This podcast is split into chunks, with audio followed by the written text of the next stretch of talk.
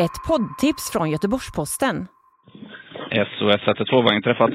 Den 6 mars 2022. Ett larmsamtal kommer in från skärgårdsidyllen Öckerö utanför Göteborg. Då har vi fått ett samtal här. Det är en person som har hotat med att ta sitt liv. Han heter Gustav.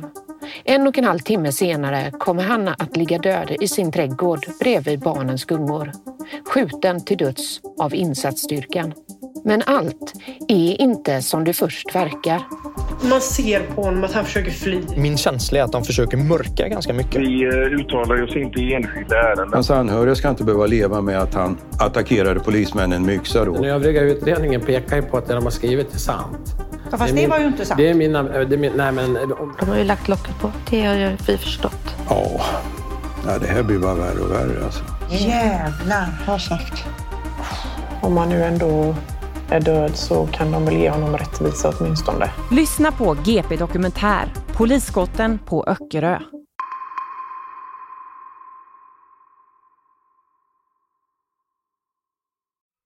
De stänger nu, vi måste gå hem. Nej! Jo, det är stängt. Nej! Jo, alla ska gå hem. Jo, de stänger, vi ska åka hem. Du lyssnar på Hennes namn var. En granskning om mäns våld mot kvinnor och samhället som svek. Under ett års tid har vi åkt land och rike runt i jakten på svar. Hon ville ju vara fri, så hon orkade ju inte längre. Från förorter i Göteborg. Till gymnasieskolor och skateparker i Norrland. det var skitkul, men vi provar igen. Ja då. Hon sa det att försvinner jag så är det han som har gjort det. Det är han som har tagit mitt liv. Från blåbärsskogar i Småland. Till små byar på den polska landsbygden. Jag känner att svenska rättvisan har inte hjälpt mig. Vi har mött anhöriga över hela landet. Sökt svaren på frågorna som de aldrig kunnat släppa. Hur kunde ingen liksom tänka någonting eller ringa henne? Det här är kvällen innan ja. alltså. Hade jag haft den uppgiften i förundersökningen så är det någonting som jag hade åberopat och lagt fram. De dokumenterar sina skador, polisanmäler, men ändå så händer detta. Jag, nej, jag fattar inte alltså. Ni släpper ut honom och han åker raka vägen hem till henne och sen hugger han ihjäl henne med en kniv. Att det här sker fortfarande, trots att man har kontakt med myndigheter, trots att vi har kännedom om det, det är ju, det är ju allvarligt. Det här hade kunnat förhindras om man bara hade gjort rätt från början. Allt har lett fram till det här. Vi är nu framme vid historien där allt började. Åtminstone för en av oss.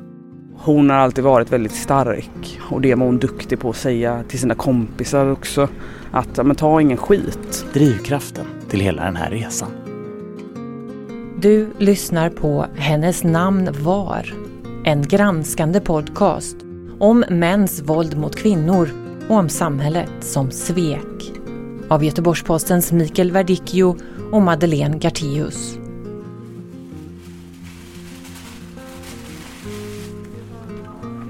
Nej, det kan du slänga.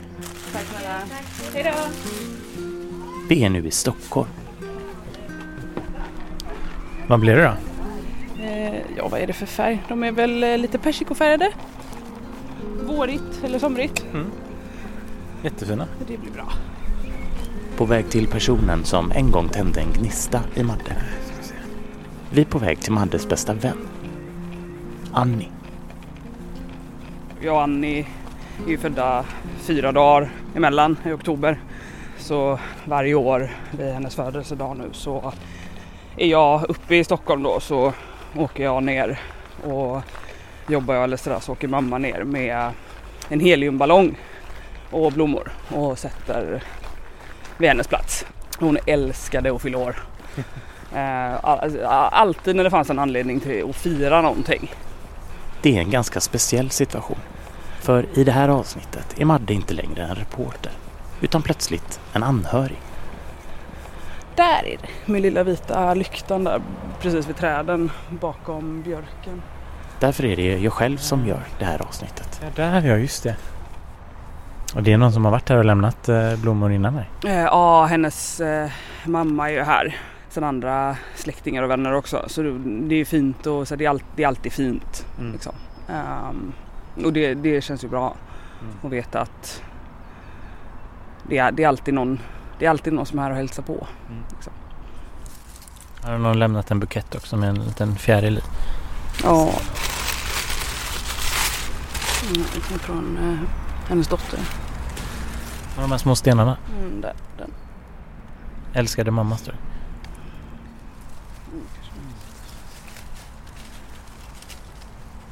Eh, när eh, min dotter var, jag tror att hon var två eller två och ett halvt. Och då vi har pratat om eh, vad vi gör här och att det är Annis plats. Och försöker förklara så enkelt som möjligt för ett litet barn att hon, hon förstår ju inte vad grav är och att man är död och sådär. Eh, så då förklarade vi det som att ja men Annie, Annie finns inte längre och Annie och mamma var jättebra kompisar och att mamma saknar Annie och går och hälsar på vid hennes plats. Och då satt vi här och pratade om lite minnen och att Eh, jag trodde, jag sa att jag tror att eh, du verkligen hade gillat Annie och Annie hade älskat dig. Ehm, och så blev jag, blev jag lite ledsen när jag satt här med henne för det, var ju inte så här de skulle ses, liksom, Annie och min dotter. Men eh, så frågade min dotter varför jag var ledsen och då sa jag att jag saknar Annie och att man kan bli ledsen då. Eh, och då lutade hon sig mot mig och så sa hon att men det gör inget mamma, hon kommer sen. eh, och det, det är väl lite det med så här, men hur barn resonerar att det är, ett, det är ett fint sätt att tänka. Det var vänskapen som fick ett abrupt slut i april 2018 då Madde Sven-Annie hittades död i sitt eget hem med sin treåriga dotter ensam kvar i lägenheten. Ja, en 30-årig kvinna hittades i förra veckan död i ett badkar. Polisen bedömer först allt som ett självmord men inser snart att saker inte är som de verkar. Det visar sig nämligen att Annie har små stickhål i halsen. Att någon injicerat henne med drogen tramadol. Dödsfallet det betecknades först som självmord men nu har polisen inlett en mordutredning. Det blir starten på ett av Sveriges mest uppmärksammade rättsfall. Där Annis expojkvän, en känd influencer med över 100 000 följare, kommer att dömas för mord. Mannen är en profil på Instagram och har tiotusentals följare. Han har enligt uppgifter i polisutredningen levt ett liv som präglats av fest och pengar. Enligt åtalet så har influencern förgiftat kvinnan och placerat hennes kropp i badkaret. Vilket gjort att hon drunknat under kraftig påverkan av just tramadolen. Det är bevisat att det är han som injicerat Annie i halsen sent på kvällen. Att han sen röjt undan sina spår och lämnat Annie ensam kvar med dottern. Men han kommer senare att skapa rubriker. När han en dag frias för mordet och får straffet sänkt till tre och ett halvt års fängelse. Abbe fälldes inte för mord, men en hel eh, radda andra brott, grov kvinnofridskränkning, sexuellt ofredande, olaga hot med mera. Passar han in i mallen? Det är en historia som berättats tidigare. Men där personen som verkligen drabbades sällan fått något utrymme alls. Det här är verkligen Annie alltså. Uh, start the day with a smile and finish it with champagne. Men det är ju lite det här att fan, det finns alltid något att fira. Ni lyssnare kan redan det här. Men i den här serien är det inte den manliga förövaren som kommer att vara i huvudfokus. Vi ska istället göra tvärtom. Spola tillbaka tiden till när en ung tonårstjej promenerar genom Stockholm. Ja, men jag hade ju spelat fotboll sedan jag var liten. Det är början på 2000-talet och min kollega Madde är då 14 år. Jag kommer ju från en fotbollsfamilj där båda mina bröder spelar fotboll och eh, min mamma var ledare i fotbollslaget och sådär. Men så, i den vevan så slutade jag spela efter, jag hade spelat i nio år, eh, efter en knäoperation. Och då hängde man mycket vid något som heter Golfängarna i Sundbyberg. Liksom, det är en stor jäkla typ äng i anslutning till så sjöarna i eh, Sundbyberg. Och där liksom ungdomar träffades för att umgås och typ, ja men, dricka öl. Liksom. Och då var det också en så bra typ mittpunkt för ja, men de som kom från Solna och de som kom från Sundbyberg så visste alla vad Golfängarna var. Och så var det alltid ett sånt ställe där de typ hade nationaldagsfirande och sånt där. Så det var ju ett ställe som folk kände till liksom. Där träffade jag Annie första gången. Då var hon där med några kompisar som hon gick i skolan med i Bergshamra. Och så var jag där med några kompisar från Sundbyberg. Överallt sitter ungdomsgängen. Någon öppnar en flaska Smirnoff Ice med en snusdosa. Någon annan spelar musik från en bärbar högtalare. Det är här, i folkhavet, bland hårspray, väskor och ölburkar, som Madde och ett annat gäng hamnar bredvid varandra. Och där en av tjejerna sticker ut direkt. Hennes namn var Annie. Men jag minns att jag, jag tyckte att hon var lite ball. Liksom. Eh, lite så här att man eh, tycker att någon är lite häftig. Så, för jag var, jag var ganska... Alltså då precis när jag hade slutat med fotbollen så var det så här, men jag sminkade mig liksom inte. Jag var, hade aldrig varit ute typ och festat och så för det var ju mycket fotbollen och så var det skolan. Och, så det var ju lite kul att träffa människor i samma ålder som verkade ha väldigt roligt. Annie är tjejen med skinnjacka och perfekt eyeliner och vinge.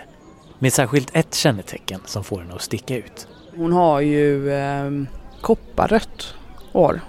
Jättefin hårfärg och jättetjockt hår. Jag var så jävla avundsjuk på det när vi var yngre. För så här, vi pratade ju ofta om så här med lilla sjöjungfrun och så Ariel med sitt röda hår. Och, som, och den blev ju väldigt Annie. Annie är gängens mittpunkt. Hon den alla vill hänga med. Hon som ofta kommer fångas på bild och stories ihop med vännerna som hon har i alla stans stadsdelar.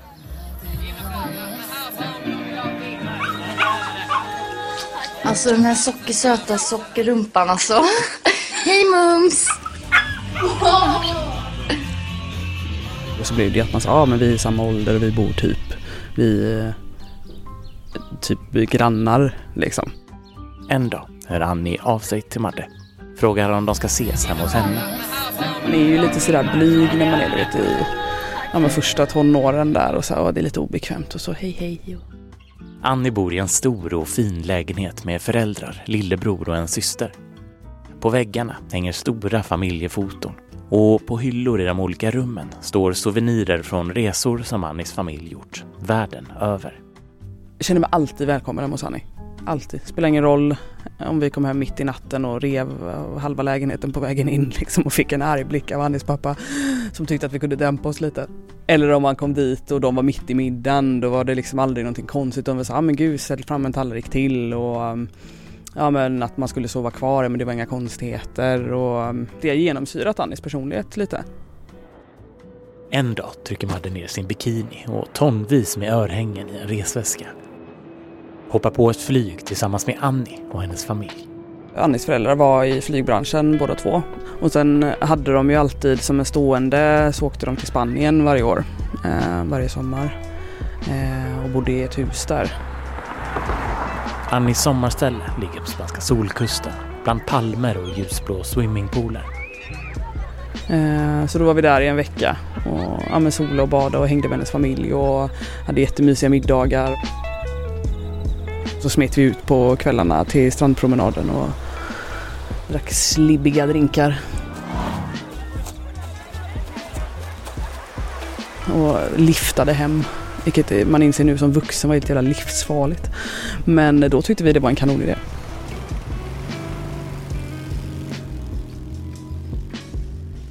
Det, är inte, alltså det som är så intressant i det här är ju så att Annie var ändå den skötsamma som sa, ah, men hon köpte vatten till mig för att så här, nu, nu har du druckit för mycket liksom, nu får du dricka vatten. Och såg till liksom att vi kom hem och att jag hade med mig mina grejer och sådär. Men ändå var det alltid att jag upplevde som den ordentliga och den som var så duktig liksom. Så det brukade jag och Annie skoja om att så, ah, men kul, kul att du inte kan göra någonting fel Madde. Och att det liksom blev en grej. En kväll när vi kom hem, jag vet inte om du kan ha med det här, men en kväll när vi kom hem så mådde jag jättedåligt. Och sen på morgonen efter så vaknade jag innan Annie och kom upp då när hennes mamma var uppe. Och så sa ah, kom ni hem sent igår? Ah, ja, ah, men ganska. Så bara, ah, ah, jag hörde att Annie mådde dåligt i natt. Ah, och jag hade ju inte heller liksom ryggrad, jag var en riktig syltrygg då så jag hade ju inte liksom att säga såhär, nej men det var jag, det var jag. Så här. Utan jag bara mm. Och så kom Annie upp och så tittade hennes mamma på besviket på henne och så bara, ah, usch Annie, usch, var inte så bra va?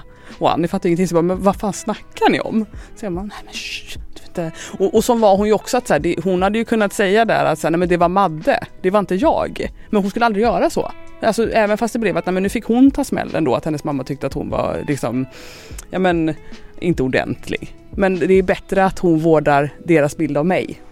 Så hon sa ju ingenting, hon tog ju på sig den. Och sen så fick jag höra det ett par år efter.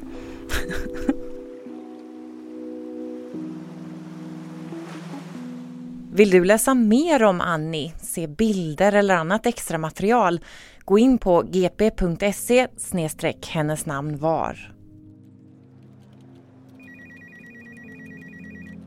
Decennier senare sitter jag på Göteborgs-Postens redaktion. Undersöker mannen som vänt upp och ner på Annies liv. Han som en gång syntes på tv-skärmar och i hundratusentals ungdomars mobiltelefoner. Och som det fortsätter rapporteras om, än idag. Vi går vidare och pratar om Abbe Blattelito som enligt Expressen är gripen för mordförsök i Spanien. Han dömdes ju i tingsrätten för att ha mördat sin tidigare flickvän men friades i hovrätten. Nu har influensen gripits misstänkt för att ha försökt hugga ihjäl en man på spanska solkusten, rapporterar spanska medier. Okej, sommaren 2019 friades alltså Abbe Blattelito för mordet på sin flickvän Annie som tingsrätten tidigare fällt honom för. I hovrätten dömdes Abbe dock till vapenbrott och kvinnofridskränkning mot Annie till tre och ett halvt års fängelse.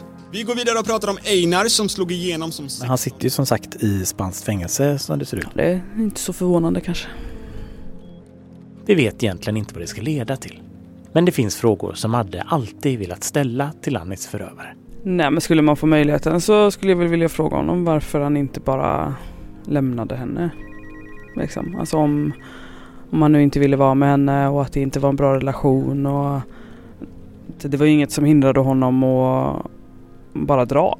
Så varför gör man inte det istället än att behandla någon så här? Jag har också frågor. För vad rör sig egentligen i huvudet på en man som upprepade gånger kränker och misshandlar sin egen flickvän? Jag bestämmer mig för att försöka komma i kontakt med honom. Är det här ni sitter nu? Ja, det är inte längre där. Nej, jag flyttar in. Ber min spanska kollega Maria Blanco, som egentligen är debattredaktör på GP, om hjälp. Ja, men eh, gud vad bra att ha en spansktalande kollega ändå. Ja, ibland eh, är det bra. Eh, kunna spanska också, ha jobbat där och veta lite hur det kan funka eh, med få information som man tror är lätt här men ibland är det inte lika lätt. Eh, alltså det var ganska lite information. Den information jag kunde få det var vilken. Maria har kontaktat myndigheter i Spanien. Ringt runt tills hon fått en ledtråd. Eh, och de sa att de inte visste vilken fängelse han var eh, i. Men att de flesta ändå talade eh, i området brukar ändå eh, skickas till Alaurin de la Torre. Ja, till slut så tror vi oss veta var Abbe Al-Sadi kan finnas. Här är ju en adress ändå. Jag börjar skriva ett brev. Berättar om vårt projekt. Om frågorna min kollega Madde skulle vilja ställa till honom som anhörig. Är lite extra trevlig för att han inte ska tacka nej. Skriver hans namn och adressen till fängelset på ett kuvert och håller sedan tummarna.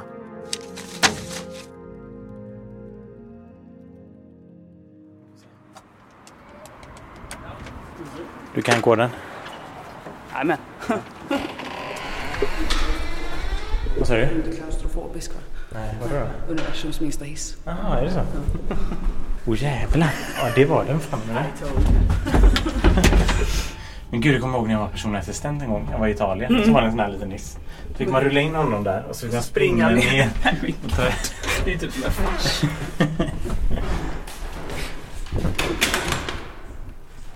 Food delivery. Hej.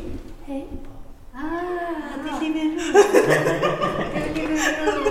Kom med Hej älskling, hur mår du? Bra, hur mår du? Jag mår bra. bra. Mm. Jag skyndade mig för jag tänkte... Nej, men nej. Hej. Hej! Trevligt att träffas. Tove. Mikael. Vi sitter hemma hos Annis mamma, Tove. Kommer ni skaffa fler barn tror du? Vad är du? Vadå? Och det kom snabbt. Ja, nej, det, det är vi rörande överens Det har ni gjort ett, ett, ett avtal Det har vi om. gjort ett avtal om. Det blir ingenting med det. Jag har förstått varför lite nu. Har du barn, Mikael? Nej, jag har inga barn. Han är inte så sugen på det nu efter att ha hört mina heller. Nej. Men jo, jag vill ha barn. Men, eh, Tove visar oss in i vardagsrummet.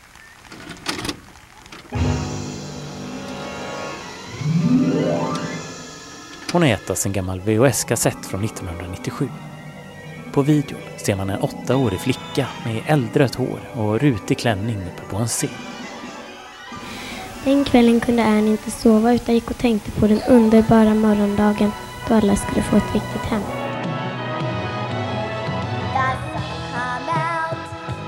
Hon sjunger och dansar bland mängder av andra barn. Men strålkastaren är på henne. Nej men det var musikalen Annie som var, jag kommer inte ihåg, vad hette det? Det hette... Maries showskola hette det. Ja. Kommer du ihåg? Just det. Mm. Och där hade han i huvudrollen i Annie barnhemmet. Annie och sopade och sjöng och... Det var två dagar som vi spelade in det där med. Jätte, jätteroligt.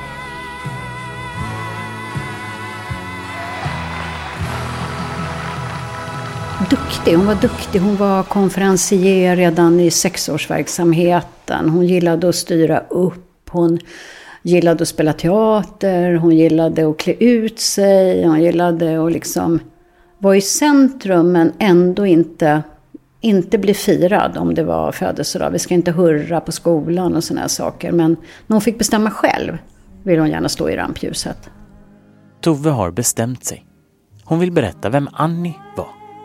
Mer än bilderna på blåmärkena och detaljerna om hennes död som kablats ut i media. Där mannen alltid varit i fokus. Som liten, så väldigt, väldigt snäll, omtänksam, ärlig. På gränsen till för ärlig kanske ibland. Men gulligt, ärlig. På morgnarna promenerar Annie till skolan med sin mamma eller pappa. Annie är utåtriktad och har lätt för att få kompisar. Kanske hamnade i lite så här situationer när hon skulle rädda en del eh, på skolan och lägga sig i och kasta huvudet in i elden när det hände någonting. Vilket man inte alltid behöver göra, men som hon tyckte var viktigt. Det fick inte vara orättvist, det fick inte vara fel. Liksom, då kunde hon nästan ta liksom, lasset själv istället för att någon kompis skulle fara illa. Efter skolan tar Annie med kompisarna hem. Hänger inne i flickrummet. Det var faktiskt alltid, alltid musik i hennes rum och det var nog det största intresset tror jag. Musik och idoler och... Men hon var Spice Girls hemma och hon var alla möjliga sådana här figurer med olika, olika kläder på sig och... Annie som går i showskola är den av kompisarna som kan sångtexter bäst. Kan stå framför spegeln i timmar för att öva in alla danssteg. Om det fanns en fredagkväll på skolan när när de fick komma dit liksom och det var, ja, det var disco. Då var hon där en timme innan det började. Så, älskade det. Kunde önska sig månader i förväg att gå och se någon artist liksom på stan. Eller om den var 13-14. Buffalo ska du ha på fötterna. De här kläderna som var liksom lite häftiga och jackan som man skulle ha och det som var inne. Det tyckte hon var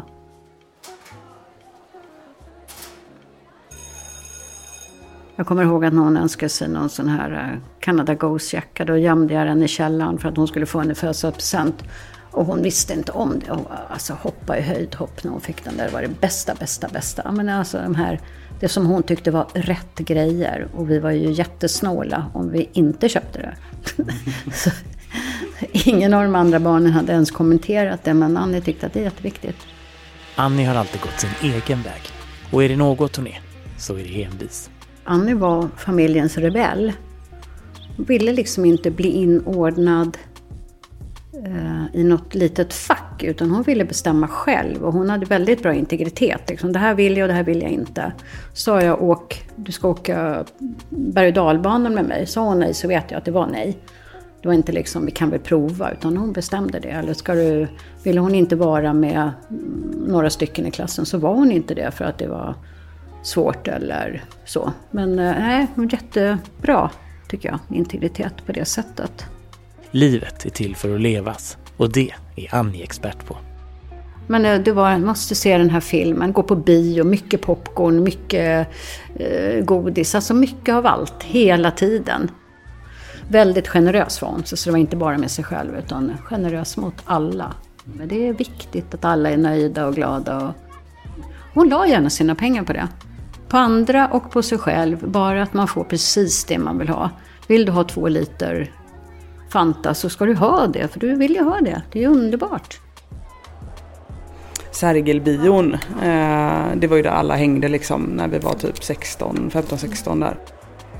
Och då var det ju liksom att, ja men hade inte de man skulle gå med att man hade pengar till både liksom biljetten och så ska man ju alltid ha popcorn och annat gött liksom.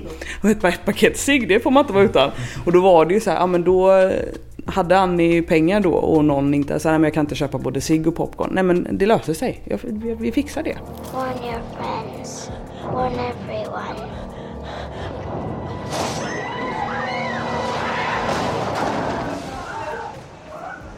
Men Annie är typ den roligaste kompisen jag har. Det här vardagshänget hade jag och Annie mycket. Och så möttes vi på Huvudstafältet och så gick vi ner till Maxi eller gamla Statoil och köpte cola, cigaretter och typ en bakelse för det, det ska man unna sig. Eh, och så satt vi liksom ute och bara pratade i så här, tre, fyra timmar och sen gick vi hem. Och det gjorde vi flera gånger i veckan. Madde och Annie är i tonåren och bor bara någon kilometer ifrån varandra. Oftast bestämmer de att de ska ses vid en gångtunnel in till Huvudstafältet. Annie har sagt att det ligger mitt emellan, men i verkligheten ligger den faktiskt ganska nära Annies port. Men jag kom ju alltid ner till den här tunneln och Annie var ju inte där. Så majoriteten av gångerna kom hon ju ut genom porten när jag var vid hennes hus. Eller så mötte jag henne i hissen. Eh, någon gång vet jag att jag ringde henne när jag var utanför porten. Så, ah, är du på väg eller?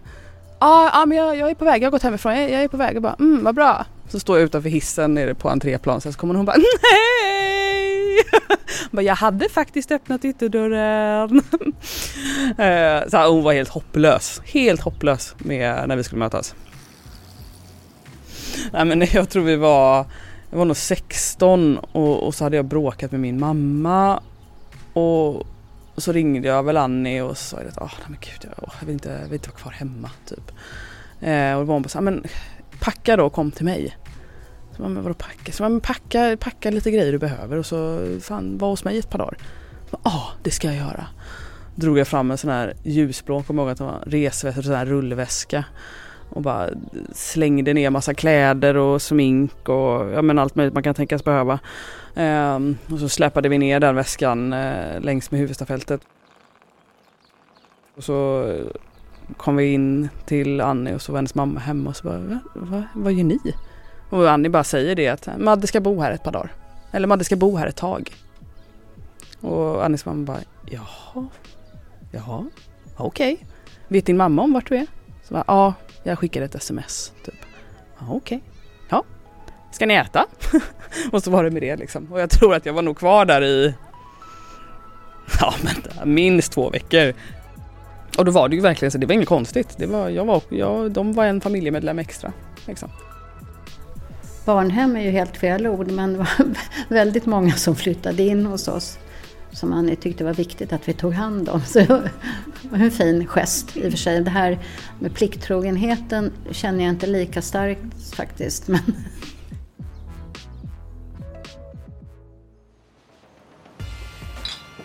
Det är tidigt 2000-tal och lördag. Utanför Annis fönster lyser gatubelysningen. Hon och Madde bor i samma rum och har nu gjort sig redo för det Annie kan bäst. Så när man kom dit så var det ju alltid, Annie kände ju alltid någon där vi var. Och då var det ju alltid att hon kom in så Åh, nu är det fest! Eh, så det, hon var ju väldigt avväpnande så. Alltså off ofta var väl så här, förfesterna var väl ofta någonstans i Solna, vill jag minnas. Uh, det var mycket Hagalund var vi. Uh, då är det ju så här, men du vet, förfester på tidigt 2000-tal, det var inte, det var inte så jäkla lyxigt. Det var väl, eh, ja, man hade köpt fulsprit i en baklucka innan och eh, någon gång vet jag att vi köpte något sånt där jättestort flak med Eggersöl. Och de var så jävla äckliga. Eh, och Annie var ju ingen öldrickare, alltså hon har aldrig gillat öl. Så då gick vi och bytte bort dem istället under förfesten. Så, ah, hade du en sån här X-sida? Vill du byta mot två öl? det är ju det här vanliga hänget, man sitter liksom i soffor du vet, och pratar med folk och så är det någon som bråkar om musiken och Här var vi väl kanske ja, 16, 17. Och sen när ni blev 18, vad hände då? Ja, då var det krogen för hela slanten. Då var det studiebidrag och alla extrainkomster som gick till nya linnen på Gina Tricot och billig alkohol på förkrökställen. Sista stoppet efter en kväll på Stureplan är Max. Dagen efter bäddar de ner sig bland kuddar och filtar med snacks som Madde köpt på Ica. Dagen efter, då vilar man. Var hon hemma en söndag skulle inte göra någonting, nej men då köpte hon någonting gött och sen la hon sig och kollade på Disney Marathon. Liksom. Eh, och kunde ju, typ Lilla Sjöjungfrun var ju en sån film så hon kan ju, eh, hon kunde ju varenda line. Liksom, varenda låt. Så det, det förknippar jag väldigt, väldigt mycket med Annie. Och så var det ju ofta, vi drog ofta referenser.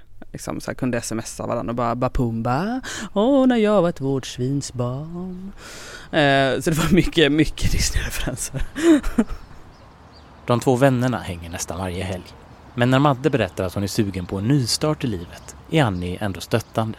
2011 flyttar Madde till Göteborg där hon så småningom börjar plugga till journalist. Då var ju vi 22 var vi skulle fylla 23. Så vi, vi höll ju kontakten. De hörs varje kväll. Sitter med tvn på varsitt håll och kollar realityserier. Vanderpump Rules och Keeping Up With The Kardashians. Vi kunde ju sätta på det när jag var i Göteborg liksom, och hon var hemma. Så hade vi på samtidigt och så pratade vi i telefon.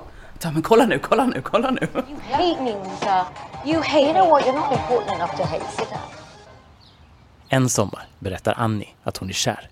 Ja, hon var i Turkiet på semester med en annan tjejkompis och då träffade de eh, liksom, ja, men två turkiska killar som jobbade där i den turiststaden liksom.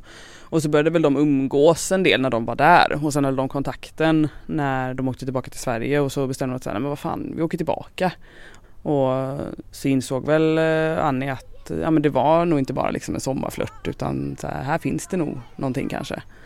Eh, och det gjorde det ju, för de var ju tillsammans ett par år. Året är 2014 när Annie ringer till Madde och ger beskedet. Hon är med barn.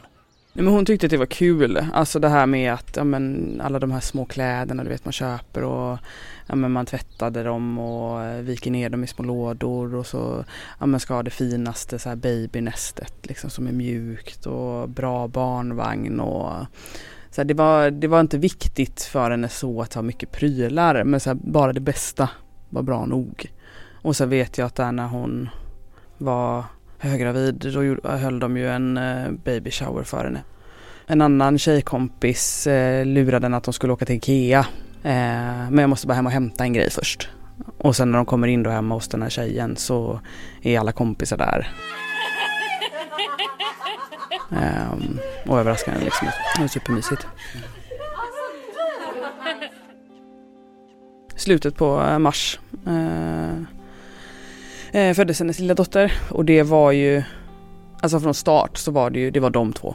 Det var liksom, det var verkligen, alltså det var som att de hade något oskiljaktigt band från första början. Så säger man ju ofta om så här, mammor och deras barn och ja, men Annie pratade liksom alltid om sin dotter som ja, men hennes sol och hennes, alltså det var hennes allt. Och inte på det sättet att hon inte kunde vara utan, så här, att hon inte kunde göra någonting utan sin dotter utan det var att men hon ville att hon skulle vara med. Hon ville att hon skulle uppleva allting som Annie upplevde. Annie uppdaterar Madde om allt.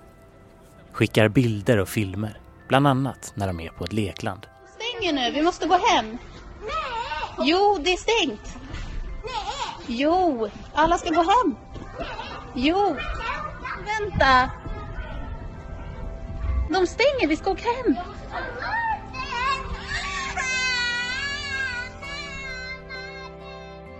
De bodde här i några månader innan de bytte lägenhet. Och då spände hon upp tält i mitt vardagsrum. Ett sagotält och ett, en annan någon byggnad här inne. Och det var saker överallt, men det gör ingenting, det gör inget. Det var aldrig besvärligt, det gillade jag. Det var alltid kul. Annie lär sin dotter sånger, danser och ramsor. Tittar på filmerna som Annie kan utan till. Vet när hon kunde bara, nu kan jag äntligen sätta mig och bara titta på alla Disney tillsammans liksom. Det var ju verkligen hennes grej. Alltså. Ja, det tror jag. Det var det bästa hon visste med Disney. Vad kunde de från början till slut? Ja. Se på stjärnorna.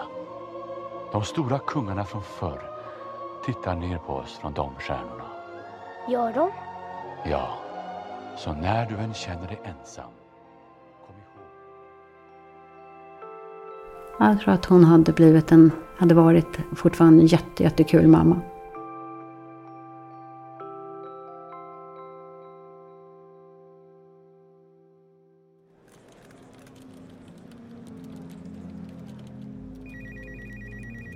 Det är hösten 2022. Jag sitter på GPs redaktion och väntar på svar. Från en man som kommer göra Annis liv till ett helvete. Ursäkta, varför sover du här? Oj, du var vaken. En manlig svensk influencer som tidigare syntes i hundratusentals ungdomars mobiler men som nu sitter i spanskt fängelse. Bredvid sitter min kollega Madde. Tolander? Hej Gunilla, det är Madde. Jag tjenare Madde. Hej. Pratar med personerna som vi mött på vår resa genom Sverige.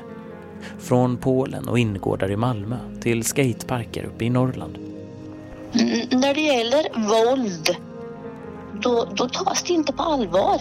Ni som lyssnat på de tidigare avsnitten minns kanske Gunilla Tolander i Västervik.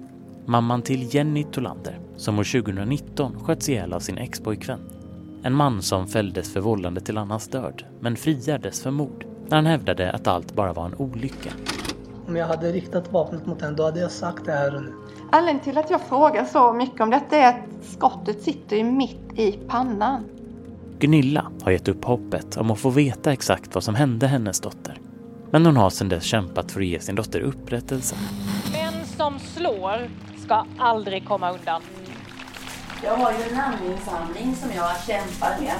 Och eh, jag går och väntar på att få komma upp till Stockholm. Ja. Men då är det ju, Hon har samlat in tiotusentals namnunderskrifter. Så, och, och, och så jag menar, de svarar ju inte där uppe. Um, och den har hon ju i flera vändor försökt lämna till lokalpolitiker och försökt få respons från regering och riksdag och sådär men har, har väl inte fått så mycket respons och ingen som vill ta emot det.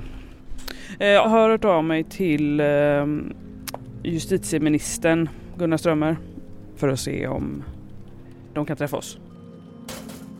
Under tiden håller jag koll på mitt postfack. Kollar varje morgon om det kommit några brev. När det en dag plingar till i min mobil. Det är från ett nummer i Spanien.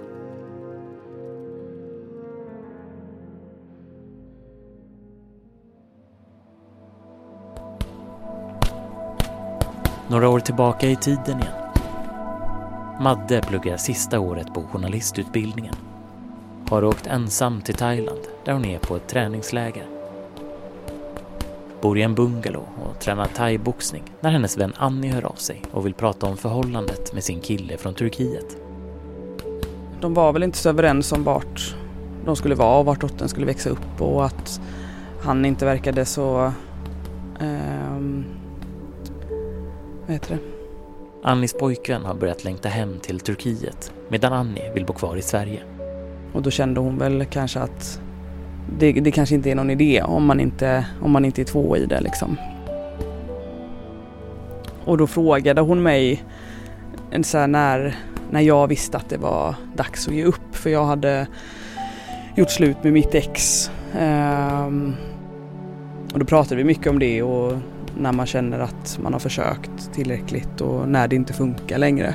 Ehm, och då vet jag att jag sa till henne att när man börjar fundera på hur länge man ska kämpa så är det nog en ganska stark indikation på att man kanske har kämpat färdigt.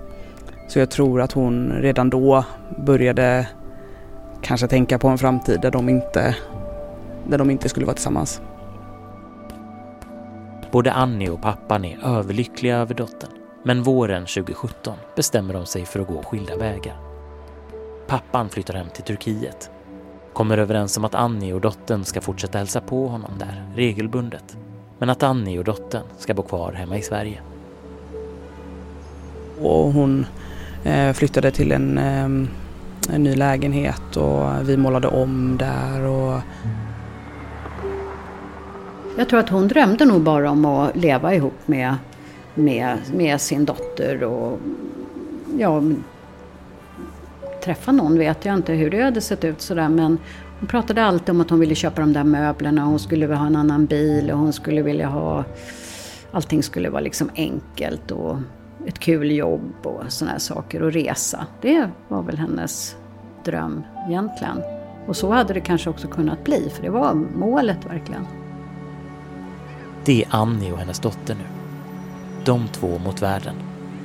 Nästa kapitel i Annies liv.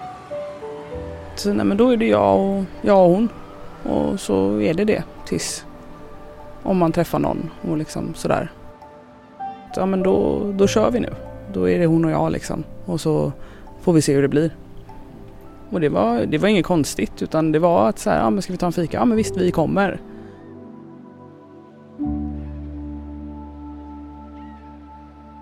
Sen eh, dök då den här märkliga människan upp i, i livet och eh, allting ställdes på sin spets kan man väl säga. I varenda situation. Och det tog ett litet tag kanske att inse faran i det. En dag ser Madde att Annie lagt upp en bild på Instagram. En bukett rosor som hon fått av en kille. Så frågade jag henne om det och då sa hon väl bara kort tror jag vad han hette och och så var det inte så mycket mer med det och då tänkte jag väl att så, ah, men det är ju nytt och man vill ju inte slå på stora trumman och sånt där liksom. Men eh, så kollade jag väl upp honom lite, hittade honom på Facebook och sådär och kände väl kanske att jaha, det här verkar ju vara en person. Den nya killen är en så kallad influencer. Uppmärksammad för sitt skruvade material på framförallt Snapchat där det mesta raderas automatiskt efter ett par timmar. Där gör influensen pranks och galna saker på fyllan. Visar upp sina pumpade muskler på gymmet, dyra klockor och snabba bilar. Han hänger på nattklubbar med kända realityprofiler från Paradise Hotel och Ex on the Beach. Glasögon från Wish och kolla mina Gucci Gör sig känd när han startar Ortens Batong. En trend på nätet där han får ungdomar över hela Sverige att börja publicera videos när han slår människor i bakhuvudet med gurkor som de tagit in i matbutiker. Ey, han gråter på riktigt. I september 2017 får även Tove träffa Annis nya kille. Jag skulle på en fest med släkten. Och uh, Annie hade köpt ny bil. Hon skulle visa den för oss liksom. Och han skulle köra så här, 260 kilometer i timmen på Råsundavägen. Tack men nej tack liksom. Så här. Jag kände det från första gången jag, jag träffade honom att det här det, det stämmer inte. Det är något som inte stämmer. Det var hela hans attityd, hela hans sätt att prata och agera kändes som det här det, det, det kändes inte rätt för henne. Fast jag kan ju inte välja vad som är rätt för henne. Det måste hon göra själv. Men jag kände att det fanns situationer som jag upplevde när han var med. var direkt kränkande, direkt eh, ovärdigt. Alltså sådär. Allting var fel. Mm. Jag tror att Annie kan ha fastnat för honom för att ja, men det, var, det var spännande, det var någonting nytt. Han var ju supergullig i början och gav henne uppmärksamhet och mm, köpte blommor du vet och var intresserad och, eh, och då är det klart att man, man känner sig sedd. Och det började med att han fick bo där och de gjorde en deal att hon skulle betala lägenhet och sånt och han skulle betala den här bilen som hon hade köpt. Men det, det funkade ju inte heller. Det är Annie som köper bilen. En Audi RS7 för 750 000 kronor. En bil som pojkvännen sen visar upp i sina sociala medier. Där han gjort det till en grej att köra snabbt i dyra bilar. Jävlar! Jag flög! Shit, jag flög alltså! Woho! Efter bara några veckor hamnar bilen på verkstad. Annie, som jobbar både vardagar och helger, bland annat på ett showroom för olika produkter, ringer hem till killen. Skriver att de istället för Audin, som kostar tiotusentals kronor i försäkring, borde skaffa en Volvo. Hon skriver att det är så smarta människor gör, innan hon får svaret att hon är en snål jävel. Men det är inte bara bilen det handlar om. Tove säger att hon ser pojkvännen behandla Annie illa framför både henne och Annies dotter. Kunde säga att hon skulle se ut på ett annat sätt än vad hon gjorde. Att hon skulle se snyggare ut. Måste vara lite, du måste se lite bättre ut. Du borde ha det eh, liksom, lyxigare eller bättre hemma än vad du har det. Och när Annie berättade för mig att um, nya lampan jag köpte i hallen är sönder. Jaha, vad hände det då?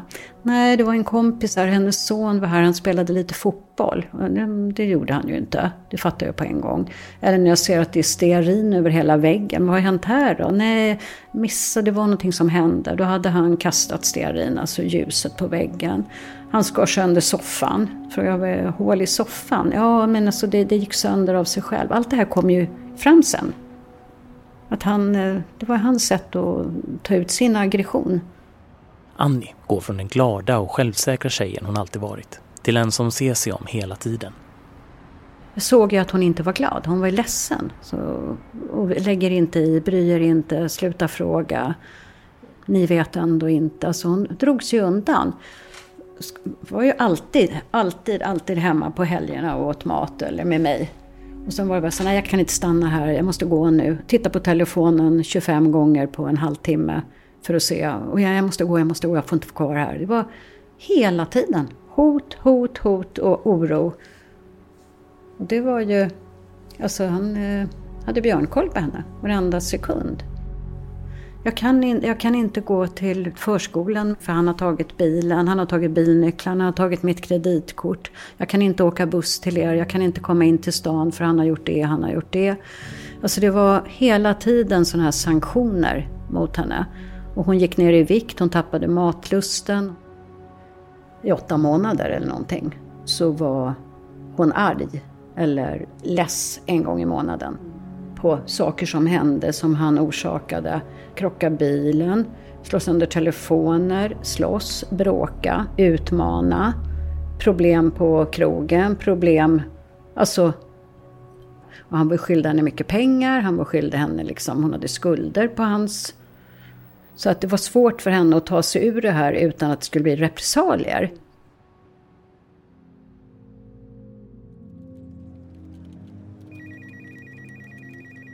Det har nu gått över fem år sedan Annie dog.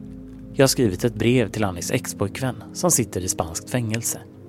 Jag har blivit kontaktad via WhatsApp.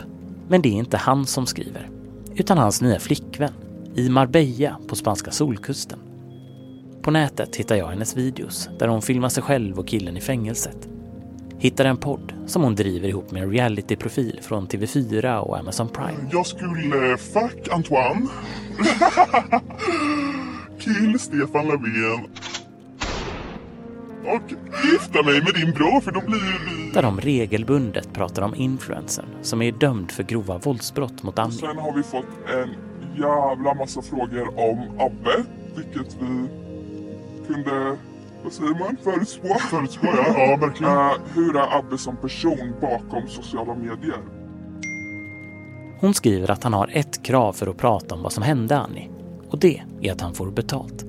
Hon skriver att han inte tänker jobba gratis och jämför honom sen med Bianca Ingrosso. Vi betalar inte för intervjuer. Jag skriver att vi aldrig betalar för intervjuer, inte ens Bianca Ingrosso. Hade ni inte betalat henne för en intervju? Serien handlar specifikt om brott och väldigt grova sådana. I just detta fallet en kvinna som utsatts för väldigt grova och upprepade brott av Abbe under en längre period. Abbe är inte Bianca Ingrosso. Stämningen efter det här blir bara otrevlig. Kontakten leder ingenstans. Kontentan, han ställer inte upp. Nej, och så här är jag förvånad över det. Att han vill ha betalt eller liksom under särskilda villkor. Nej, egentligen inte. Jag tänker att man kanske inte kan förvänta sig så mycket mer. Efteråt tar jag och Madde lunch på vårt vanliga ställe. Nej, jag tänkte fan jag vill också ha en drink.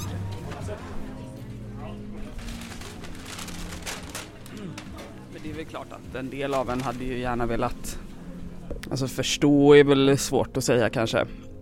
Men att få veta varför och vad som driver de här människorna och vad de tar för ansvar och hur de ser på sitt eget ansvar. Men jag tänker också att det viktiga för mig och som jag har förstått på alla de anhöriga, alltså alla familjemedlemmar och alla vänner vi har träffat under det här året så är ju det viktigaste att de får ta plats och vilka de var.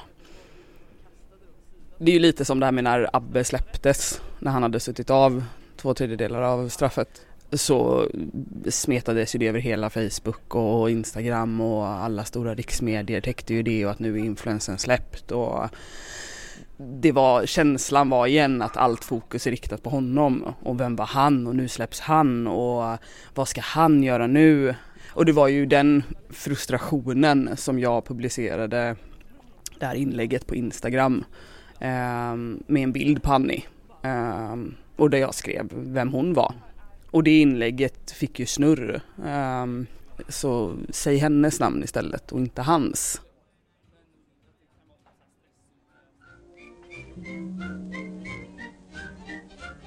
Det är julen 2017 som konflikterna mellan Annie och hennes nya pojkvän eskalerar. Det var en förskräcklig julafton. Annis mamma Tove igen. Min äldsta dotter hade ordnat en jättefin kväll för oss allihopa och Annie var jättestolt över att han inte... Ja, men han hade väl ingen att fira jul med. Så han skulle vara med och Annie berättade för oss att hon ville gärna ta med honom och det tyckte inte hennes syster var något konstigt i och för sig för vi hade inte sett så mycket tokigheter just då. Vi skulle ses till Kalle Anka klockan tre och hon ringde och sa att vi kommer att komma för sent. Varför då? Jo, för att jag måste gå och köpa en grej i Mall of Scandinavia. Okej, okay, ja, gör det. Då visade det sig att han hade slagit sönder julklappen som hon hade köpt till mig, så hon skulle köpa en ny julklapp. För att han var sur. Ja, men jag vet inte, han var i ett annat rum och pratade i telefon på julafton och pratade med några försäkringsbolag. Och det var så mycket tjafs med alla bilar och han blev irriterad på Annie och han var allmänt oförskämd. Det är fortsatt bilen som Annie och killen bråkar om. En sportbil Annie köpt, men som kostar mycket i reparationer och försäkringar. Då slängde han bort nycklarna till bilen och den bilen stod kvar och fick parkeringsböter i 14 dagar. Så därför stod den då till 6 januari, hela den helgen, när allt det här bråket började. När säger så. Under vintern har det samtidigt börjat komma fram allt mer om killen. I december 2017 publiceras bland annat hans medverkan i talkshowen Tjafs där han får frågor om gamla klipp han lagt ut på andra tjejer innan han och Annie blev ihop. Eh, hej Abbe, du är ju en, eh, vad ska man säga? Du... Offentlig person. Ja, ah, exakt. Du är en offentlig person.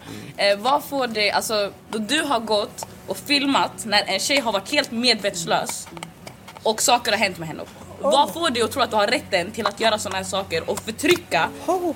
tjejer på det här sättet? Fan, har Nej, jag, jag har faktiskt ingen att svara på alltså. Vad... Anser du att det är kvinnoförtryck? Kvinnoförtryck vad? Min tjejkompis hon fucking super, supit ner henne hela kvällen. Alltså lyssna! Men jag har snappat på tjejkompisar när de har klätt av sig, när de har horat sig. Ja, okej, okay, jag har gjort det. Varför är det okej okay då? Fucking hela för feministerna är på mig. För att jag... Det visar sig bland annat att killen misshandlat en annan tjej året innan han och Annie träffades.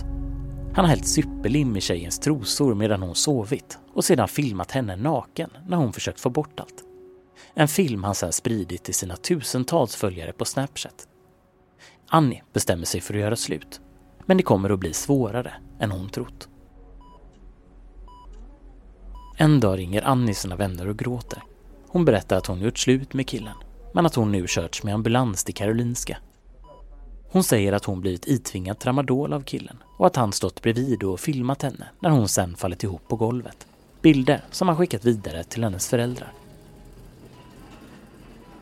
Annie berättar att han hotat att sätta dit henne till socialen för att hon ska bli av med sin dotter. Hon säger till sina vänner att hon är livrädd och försöker lugna sina föräldrar. Säger till läkarna att den färska bulan i hennes panna bara var en olycka. Att det var hon själv som råkade slå huvudet i en skåpslucka och att det var hon själv som svalde tramadoltabletterna av misstag. Alla ville ju anmäla och då sa hon att du gör inte det för det kommer bli mycket värre. Det kommer bli mycket värre för mig för då kommer antingen råka illa ut eller du. Han har sagt att om du eh, åker ut till Turkiet så knäpper jag din mamma. Och då sa han, då får han hellre göra mig illa. Och då tänkte jag att jag gör inte det. För att är det så att verkligen råkar illa ut, då har jag det på mitt liv. Så jag tänkte hon är vuxen, hon måste veta vad som är bäst för henne. Men uppenbarligen så är det ju inte så. Det, det är så lätt att sitta på åskådarplats i efterhand. Så, ja, men varför anmälde inte någon? När man vet om att det är så här. Och, men det, det blir, konsekvensen blir ju också, eller den potentiella konsekvensen blir ju att, ja men tänk om jag anmäler nu. Eller gör en anonym SOS-anmälan. Och så tar de för att så här, ja, men hon ser våld i hemmet, hon blir placerad i familjehem. Det var liksom. hans största skräck, att någon skulle göra någonting. Eller att uh, om någon skulle tala om att eh, Abbe gjorde det här och här mot dig, om någon skulle veta det. Och säga att Nej, men det där är ju ingen lämplig plats för för det förstod hon säkert själv i det läget. Så skulle det vara absolut det värsta som kunde hända henne. Mycket, mycket värre än någonting annat. Veckorna framåt eskalerar allt. I telefonen fortsätter hennes ex att ringa. Kallar henne grova könsord, hotar att döda henne och förstöra hennes liv. När hon inte svarar skickar han nakenbilder på henne till hennes familj. Annie börjar skriva i kodord med vännerna. Emojis på rosa blommor blir kodord för skriv inte, han är här. Medan tre röda ballonger betyder ring 112. En dag misshandlar killen henne så grovt att hon inte längre kan dölja det för sina föräldrar. Hennes väninna kom hit med henne och sa ni måste göra någonting. Hon är ju helt blåslagen. Han höll ju på att gå alldeles för långt där liksom. Ja. Vad var det hon berättade hade hänt? Nej men han hade slagit han hade satt en kniv i axeln, han hade klippt av håret, han hade tagit något skärp och försökt strypa henne. Eller, ja, han hade väl gjort allt, slagit sönder saker, lampor och gud vet allt där hemma. Jag tänkte att nu får jag polisanmäla det här. Mm. Och sen då bestämde hon sig för att det här kan inte jag köpa längre. Jag accepterar inte din stil. Utan eh, jag kommer gå till polisen. Den 22 mars 2018 går Annie in på en polisstation. Hon gråter och skakar i hela kroppen. Berättar att hon försökt lämna sin våldsamma expojkvän sedan årsskiftet. Berättar att det grova våldet, som finns dokumenterat, pågått sedan halloween förra året. Att han ringer henne uppemot 70 gånger om dagen. Att han förstört hennes hem och försatt henne i stora skulder. Hon är samtidigt livrädd för att medverka i en polisutredning och säga vad han heter. Berättar att han hotat att sätta dit henne på olika sätt. Hotat att plantera droger i hennes lägenhet och på olika sätt se till att socialtjänsten tar hennes dotter. Kommer överens med polisen om att de ska höras längre fram. Den 16 april 2018 flyr Annie och dottern hem till en väninna. Hon har nya blåmärken i ansiktet och på kroppen. Berättar att influensen stått utanför hennes port och kissat in genom hennes brevinkast. Att han hotat henne med orden brapp, brapp och att hon ska få se. Innan han slutligen dyker upp även utanför väninnans bostad och kastar sten mot balkongen.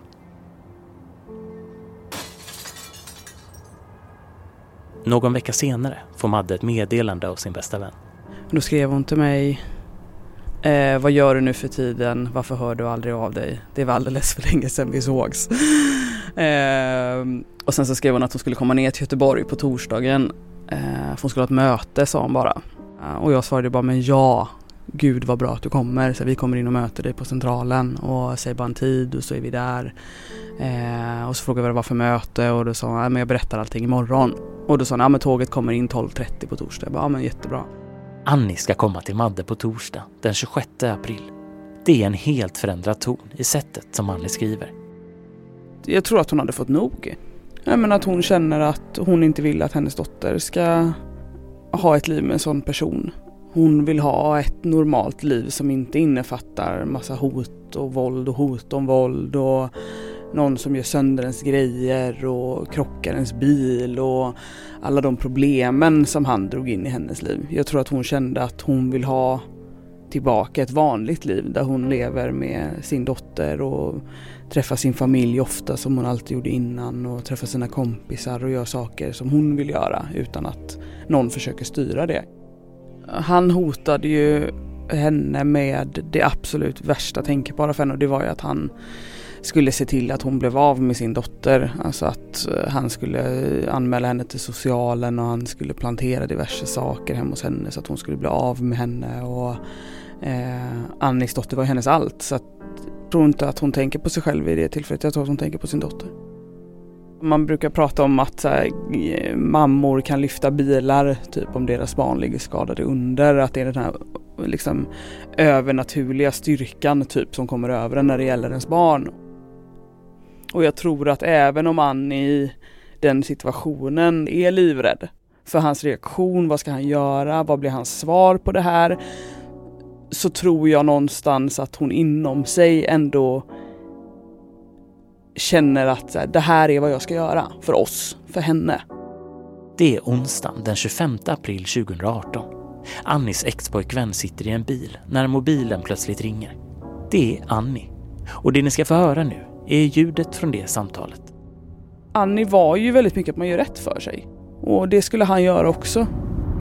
Jag säger till dig, gör rätt för dig, betala de grejerna du har tagit sönder och det du har förstört. Sen är det klart. Sluta snacka skit Abbe. Ja, alltså, du kan inte men, komma ur det här. Annie, Annie, Annie lyssna på mig. Annie, hade du... Du har huggit med en kniv i hela min soffa. Min soffa kostar 17 000. Okej? Okay? Du har huggit med en kniv i den. Annie, jag har hade... bilder på allt. Jag har bevis Annie, på allt. Annie, Annie, Annie. Eh, hyrbilen 35 lax. Eh... Hyrbilen som vi fick en faktura på på 4000 som du gömde i din väska. Som jag sitter och betalar av nu. Hyrbilen där jag... Jag sa till dig jag skulle lösa den. Du har till sin morgon på dig. Du kan betala in lånetelefonen och simkortet och det här med försäkringen. Men, men vad ser jag ut som rik? Jag har inte de pengarna! Jag har inget jobb, jag har, jag får inte, jag har inte pengar som förr. Du står mig på Flashback, bilen är inte hans. Håll käften din snorunge, fattar du? Du har snackat skit om mig till Ellie, till alla dina vänner, till Daniela, till Tilda, till alla. Så att jag har pratat med Lyra och berättat att bilen inte är din. Och din jävla fejkfasad om din liv är ruinerad, det är inte mitt fucking fel, okej? Okay? Det finns så mycket mer jag hade kunnat öppna min käft om som jag inte öppnat min käft om. Så sitt och var tacksam istället för att vara otacksam. Alla som du har hotat, fönster du har slagit sönder, folk du har skickat sms till, ring till. Tycker du att ditt beteende är normalt? Men varför ska jag sitta och betala för det när du gör slut? Jag skiter i om det är slut eller inte. När du ska, när du ska ändå, du ska, när du ska ändå gå till polisen. Tror du polisen kommer säga så? Tror du polisen kommer men säga när du ändå ska gå till polisen. Nej men jag kom, om du betalar allting så kommer jag inte göra det. Det är det du inte fattar. Jag är inte förhandlingsbar längre nu alltså.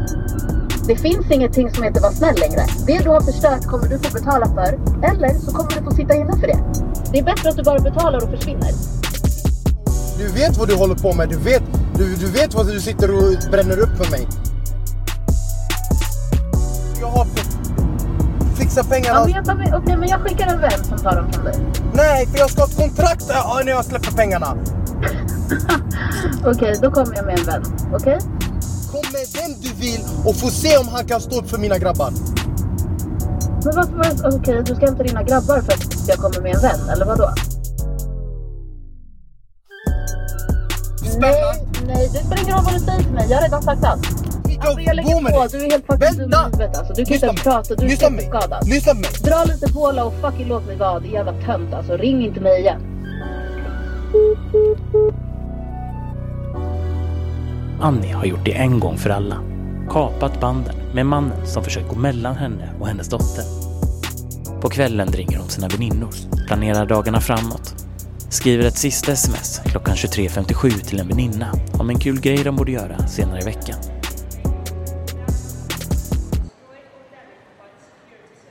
Dagen efter, den 26 april 2018. Madde sitter i Göteborg. Väntar på tåget som Annie sagt skulle komma in 12.30. Hon har inte hört någonting från sin vän. Utan då tänkte jag bara, ja men hon hör väl av sig när hon sitter på tåget.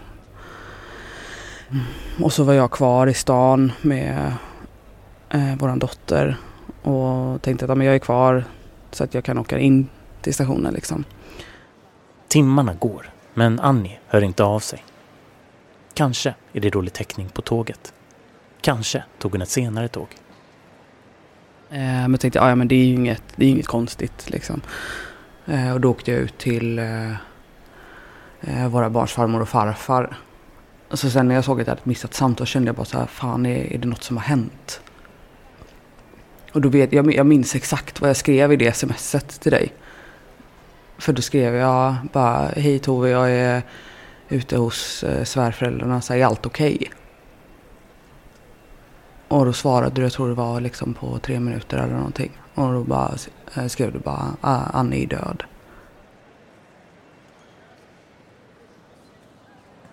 När Tove ringt Annie på morgonen har inte gått fram några signaler. Så vi pratade med varandra klockan var nio och allting var bra och allting var så fint och jag skulle hämta er på förskolan dagen efter och inga problem. Så när hon inte svarar i telefon, inte skickar sms, telefonen går på telefonsvarare direkt utan att man kan lämna ett meddelande, ingenting. Så alltså den paniken går inte att... Jag kände på en gång, för jag hade ju gått och tänkt länge, det här kommer bara, det här kan inte, det här kan inte gå bra. Och jag vet att jag tog tre trappor i ett kliv. Och då var det, var det en polis och då var han där, då satt han i, inne i lägenheten. Men då förstod jag hela tiden, hela vägen upp för trapporna så förstod jag, jag tänkte, det var det enda jag tänkte, hon är död. Och så var det ju. Jag vet inte vem det var, om det var polis eller vem det var som, som sa när jag kom till dörren, här får du inte komma in, det är avspärrat, hon är död. Eh, och när jag såg honom och så såg jag satt i soffan, då förstod jag ju att det var, att det var Annie. Ja men alltså det går inte att, det går inte att förklara, det blir som, man får hjärtstillestånd på något sätt. Mm. Det är influensen själv som ringt dit polisen. Han hävdar att han inte lyckats få tag i Annie sen kvällen innan. När polisen bryter sig in möter de Annies treåriga dotter ensam i lägenheten. I ett badkar ligger Annie. I vattnet ligger även en mobil. Allt ser ut som ett självmord. Men en av ambulanssjukvårdarna upplever influensen som märklig. Säger i förhör att det är som att mannen försöker gråta men inte lyckas få fram några tårar. Ändå låter polisen honom gå runt i lägenheten. Ja, en 30-årig kvinna hittades i förra veckan död i ett badkar. Först dagen efter startar man en mordutredning och tre dagar senare en brottsplatsundersökning. Och dödsfallet det betecknades först som självmord men nu har polisen inlett en mordutredning. Man har hittat injektionshålen med tramadol i Annis hals. Det, var ju, det märkliga var ju att om eh, någon trodde att hon skulle ha gjort det här själv, då hade det ju funnits någon spruta eller kanyl eller grejer kvar i lägenheten. Det fanns ju ingenting. Och då måste ju någon ha tagit med sig de sakerna därifrån. Och det hade ju inte polisen gjort, för de kom ju dagen efter. Det visar sig att mobilen i badkaret inte är den som Annie använder. Någon har stoppat i hennes simkort i den, medan hennes riktiga, den där hon har alla konversationer och bilder sparade, är spårlöst försvunnen. Det ska senare visa sig att det är ex-pojkvännen som tagit hennes mobil för att därefter göra sig av med den. Något som väcker stark kritik från bland annat Leif GW Persson. Det första är ju den här usla polisinsatsen, för den är verkligen usel. Va? Den strider mot de regler, som an, anvisningar och föreskrifter som vi har för sånt här. Eh, det är ju han som ringer in det här va? Och, och då släpper man in honom i lägenheten trots att man är väl medveten om hans relation till den som eventuellt kan finnas där inne. Och när han ändå är där inne så passar han uppenbarligen på sig att plocka med sig grejer som kan ha en avgörande betydelse för den utredningen. Men trots att ex-killen röjt undan viktiga bevis så åtalas han så småningom för mord. Mannen är en profil på Instagram och har tiotusentals följare. Han har enligt uppgifter i polisutredningen levt ett liv som präglats av fest och pengar. Enligt åtalet så har influencern förgiftat kvinnan och placerat hennes kropp i badkaret. Vilket gjort att hon drunknat under kraftig påverkan av just tramadol. I mars förra året så anmälde kvinnan influencern för grov kvinnofridskränkning. En månad senare hittades hon död i badkaret. Under rättegången sitter Madde och Annis familj där. Tvingas höra allt han utsatt Annie för. Det var väldigt dubbelt. Det var, det var skönt att kunna vara där och vara ett stöd för Annis familj och också på något sätt att vara där för Annie. Men sen var det jobbigt. Alltså det, det var tufft att höra vad han hade utsatt henne för och um, att hon inte kunde få vara där och föra sin egen talan. Det var jävligt tufft att se Annis föräldrar eh, var så förkrossade. Bevis, bland annat telefontrafik, visar att Abbe befunnit sig i Annis lägenhet den aktuella natten, när han själv hävdar att han inte varit där alls.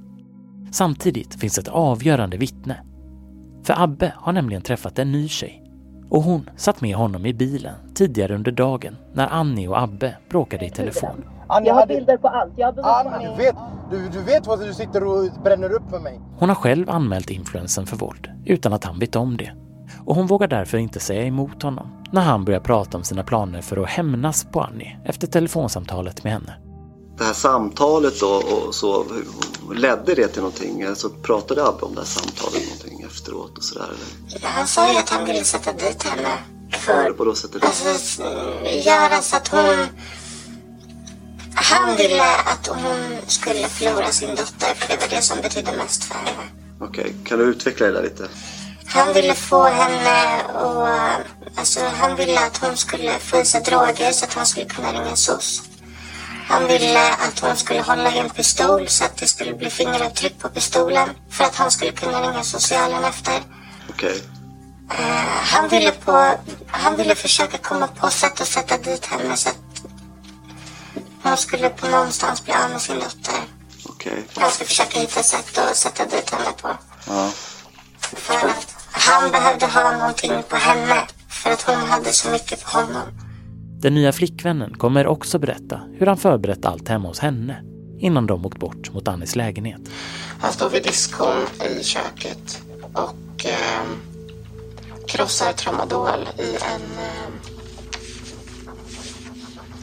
i en kastrull, en liten kastrull. Han berättade att eh,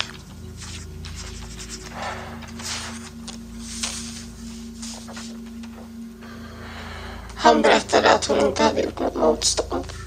Jag tror inte att jag skulle ha kunnat drömt upp att han skulle vara så eh, vidrig.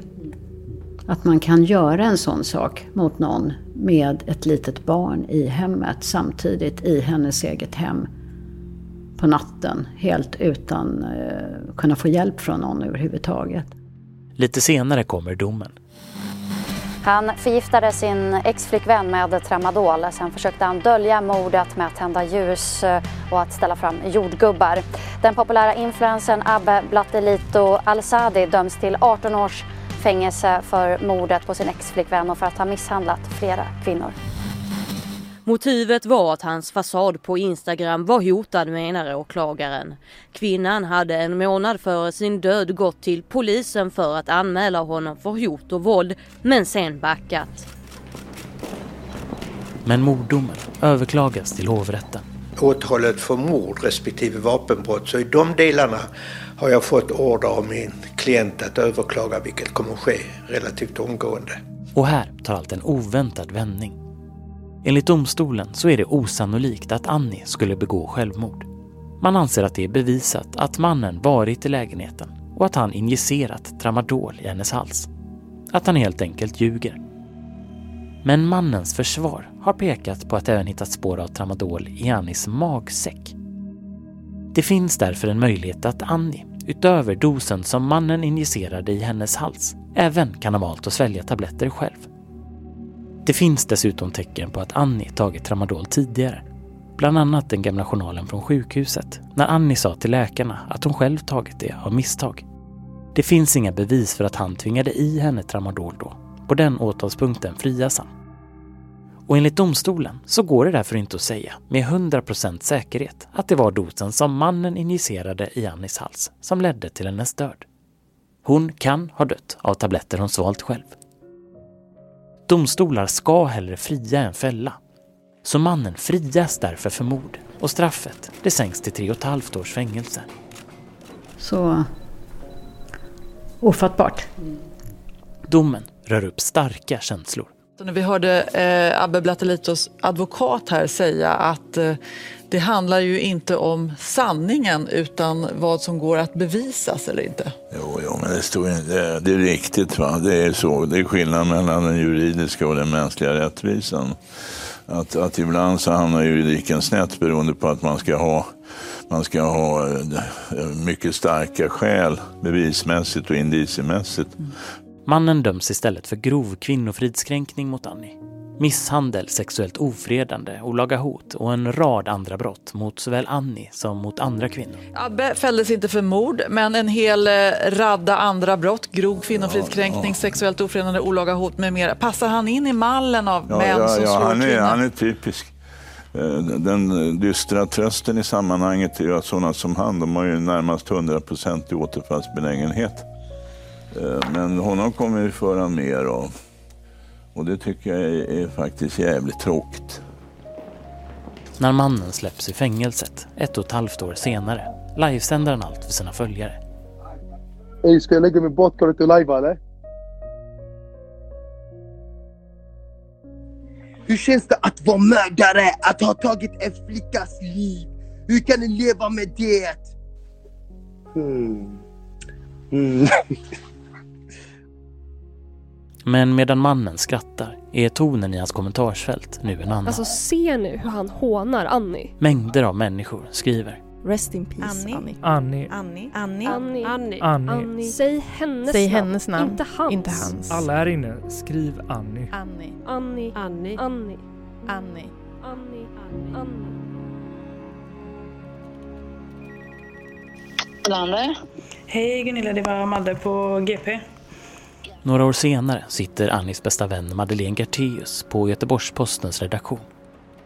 I över ett år har hon åkt land och rike runt. Sökt svar på varför Sverige inte lyckas minska våldet som tusentals kvinnor lever i varje dag. Som varje år leder till att tusentals tvingas fly för sina liv. Och att omkring 15 av dem dödas. Hon sökte hjälp. Varför har de inte hjälpt henne i tid? Att man inte kränker en patients integritet eller då den att andra människor blir dödade. Det, det kan liksom inte vara rätt helt enkelt. Hej Gunilla, det var Madde på GP. Jag tjänade på dig du. Hej, är du upptagen? Nej då, jag var uppe och strök bara så. Eh, nej, för jag har ju pratat med justitieministerns eh, presskontakt nu. Eh, ja, de, ja. de träffar oss. Eh, ja, de gör det. De gör det. Vi får 30 ja. minuter får vi. Det har kommit goda nyheter. Om du bara visste hur tacksam jag är. Jag tänkte faktiskt att de skulle få följa med mig upp imorgon. Vi tar tåget upp till Stockholm medan Gunilla åker bil från Västervik. Redo för det som Gunilla väntat på i flera år. Ända sedan den där dagen då hennes dotter sköts ihjäl av sin expojkvän. Men där han sen friades för mord. Ah. Ja, det hade vi inte tänkt att vi skulle hamna här med i huvudstaden med Gunilla. Vi möter Gunilla utanför morse. Ja, det var det. Fruktansvärt mycket adrenalin. Jag brukar inte bli sån. Nej. Jag har alla namnen i väskan. De är i en bunt med ett fint rött sidenband runt om. Ja, du har lagt dem. Jag ser dem här. Var... Gunilla har skrivit ut namnunderskrifterna som hon samlat in från hela Sverige. Tusentals namn som hon lindat in i ett rött sidenband. På framsidan en bild på hennes dotter Jenny.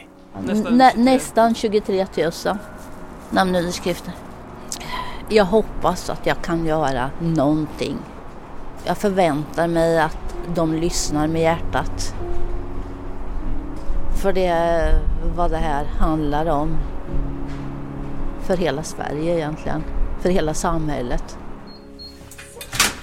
Lite senare leds vi in i maktens korridorer. Kommit ner till rummet där så att ni skulle få I fickan har Gunilla en plastficka med en hårslinga från hennes dotter Jenny. Ja, hej. Ja, jag vet vem du är. Jag är... Ja. Okay. Hej, vad det var bra. Trevligt att träffas. Verkligen. Och jag vill redan början säga att jag verkligen beklagar. Ja, Så jag vet vad du har gått igenom. Det är bra. Verkligen. Eh. Gunilla kommer först att få några minuter med jämställdhetsminister Paulina Brandberg. Jag eh, kommer att kämpa allt jag kan som politiker med att förhindra att att fler kvinnor ska, ska drabbas av det som, eh, som din dotter har drabbats av. Ni som vill kan läsa om ministerns löften på gp.se hennes namn var. Hej! Hej! Hej! Goddag! Lite senare kommer justitieministern. Får sitta här jämte mig. Ja, det blir toppen det. Goddag Gunilla. Gunnar Ström heter jag. Fint att träffa dig. Ja, Hej! tack. Hej, då tillfälle att ses. Ja, jag är otroligt tacksam Ja. att vi får komma hit. Sen har jag med mig 23, nästan 23 000 namnunderskrifter. Eh, upprättelse för min döda dotter och den dom som eh, eh, hennes pojkvän blev dömd till. Jag vet att ni inte kan gå in på enskilda mord men jag undrar, och jag, det är ju inte bara för min Jenny då och, och den domen utan det är för alla dödade kvinnor och det är för alla kvinnor som lever där ute som anmäler eh, våld och får alla de här fallen nedlagda. Det går inte ens till åklagare. Och, och hur de ska skyddas. Sen undrar jag, eh, Jennys pojkvän här, han fick fem år för att skjuta henne mitt i pannan. Jenny är med mig här. Och jag tycker inte det är rimligt. Och jag undrar hur du skulle reagera om det var det käraste du hade. Eh, ett barn, en fru, syskon, mamma, pappa, det käraste du har. Och sen du sitter i en rättssal och sen får du tingsrätten och hovrättens dom. Och, och de får bara ett litet, litet kort straff. De här människorna får vi inte tillbaka. Och de här kvinnorna som lever där ute bakom stängda dörrar som, som eh, då inte törs att anmäla. Och sen tas inte anmälningarna upp. H- hur ska vi hjälpa dem? H- hur ska vi kunna förändra om man inte kan sätta ner foten? Och jag önskar verkligen att ni sätter ner foten och blir det här Sverige som, som rycker upp sig och blir ett föregångsland och en nolltolerans eh, mot de här typerna ut, utav brott.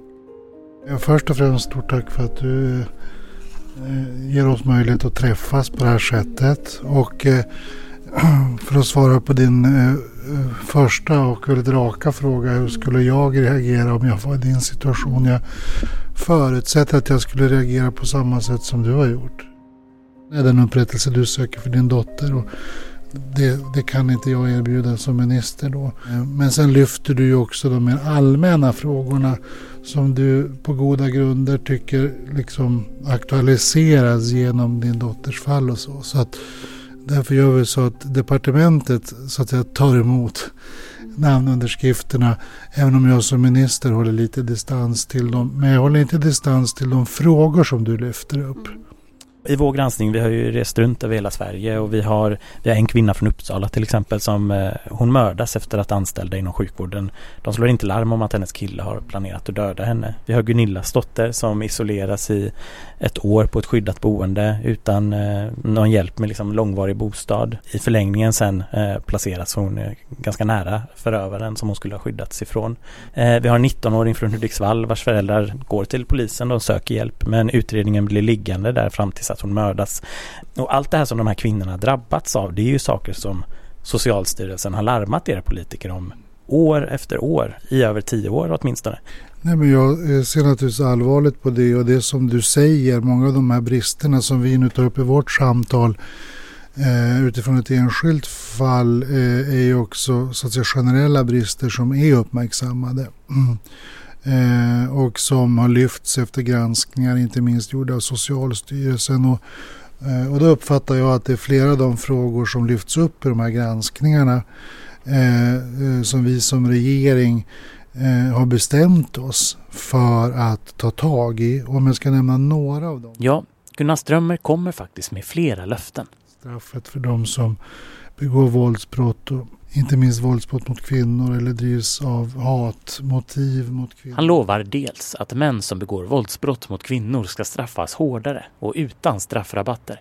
Han lovar att fler kvinnor ska beviljas kontaktförbud och att det ska kunna kombineras med övervakning av våldsamma män. Ehm, Jag tror att eh, det finns också andra saker. Men han lovar också att ändra på hela sekretesslagstiftningen så att huvudregeln blir att myndighetspersonal alltid ska slå larm till polis för att förhindra brott mot kvinnor.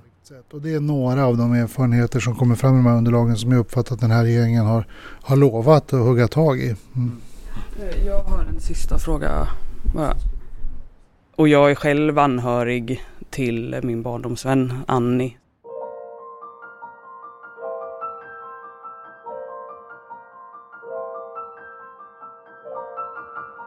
Juni 2018 står Madde i Solna kyrka. Med en rosa ros i handen. Och ett vitt kuvert i den andra. Det var en jättefin begravning och jag hade mycket kontakt med Annie, sina syster som höll i, höll i mycket kring begravningen. Där vi pratade om vad Annie hade velat. Och, och då sa Annies syster det att man gärna fick ha färg på sig och inte ha bara svarta kläder som man traditionellt sett har på en begravning. För eh, Annie gillade färg och liksom livet ska man leva och det ska vara det ska vara fint. Ehm, så det var väldigt fint att se att det var väldigt många som hade, ja men det var rosa och det var gult och jag hade på mig en lila klänning. Um, så det var ljust liksom. Um, fullsatt kyrka. I kyrkan spelas Annis favoritlåt ur Lilla Sjöjungfrun. Längst fram står en vit kista. Täckt i foton, ljus och ett hav av blommor. Det jag någonstans hade gått och eh, trott fram till 15 juni då hennes begravning var, var att men hon ringer snart. Eh, och säger att hon bara har dragit en liten stund, att hon är i Spanien och kommer snart liksom och att hon berättar allting då. Eh, men på begravningen så blev det det gick liksom inte att värja sig längre utan hon, hon är borta.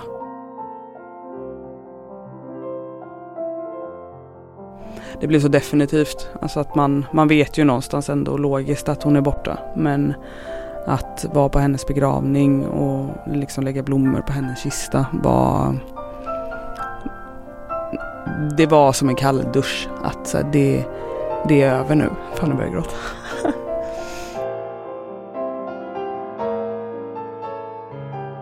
Prästen sa det att, eh, jag menar att Annie hade mycket framtidsplaner och ehm, hon såg ljust på, på framtiden med sin dotter och hon hade gjort planer dels för sommaren och eh, dels för samma vecka då hon skulle åka till Göteborg. Men gud. um, och att liksom hon hade ett helt liv kvar att leva. Men så jag skrev ett brev eh, till Annie eh, med allt jag önskar att jag hade sagt. Eh, som jag la på hennes kista. Ja, det var en, eh, det var en tuff dag.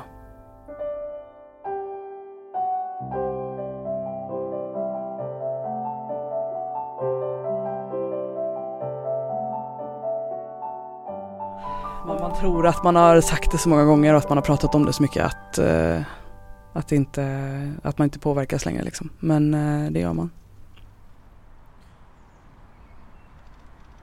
Det går ju inte att förstå hur mycket man kan sakna någon. Alltså att sakna sin, att jag saknar min mamma ibland. Men det finns ju en naturlig anledning när man är sjuk eller gammal. Eller så, men att sakna någon som egentligen inte borde vara försvunnen.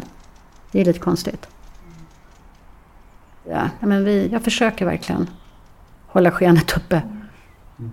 Dessutom är det roligt att prata om Annie. Och jag tänker på henne varje morgon när jag vaknar. Och jag tänker på henne varje kväll.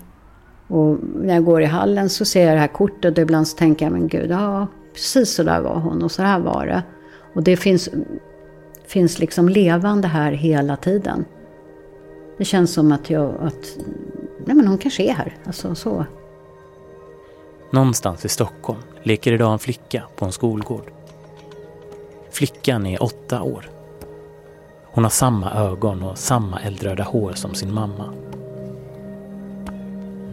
Det är inte riktigt hur man kompenserar ett barn för att eh, förlora sin mamma. För det är ju livslångt. Men vi försöker i alla fall att påminna hela tiden om hur fantastisk Annie är och hur mycket hon älskade henne och hur mycket hon betyder för henne och sådär. För att hon alltid ska ha det med sig. Ja, när vi har rest så har vi alltid en, om det finns en stjärna på svart himmel så säger vi alltid att det är Annie. Så. Om det är flera så kan det ju vara lite, men det måste vara en ensam stjärna någonstans. Som, det var ett stjärnfall när vi var på Malta 2019. Och då sa vi det, titta nu trillade hon ner från den där lilla stjärnan. Ja. Alltså hon mår inte dåligt av att prata så. Jag frågar henne idag och frågar så här, kommer du ihåg vad vi pratade om den där stjärnan? Ja, det var min mamma. Vi satt här på balkongen en gång så kom det upp ett hjärta på himlen. Det var någon så här som flygvapnet eller vad det var flög. Då sa jag, titta, så här, nu ser du, nu är Annie på himlen igen. Ja, det tycker jag är gulligt. Mm. Det är det faktiskt. Hon älskar när jag pratar om Annie och vad hon gjorde när hon var liten och vad hon var rädd för och vad hon var glad över. Och visar kort hela tiden och alltid pratat om att just hon var hennes mamma. Eller är hennes mamma. stänger nu, vi måste gå hem. Nej! Jo, det är stängt. Nej! Jo, alla ska gå hem. Jo, vänta. De stänger, vi ska åka hem.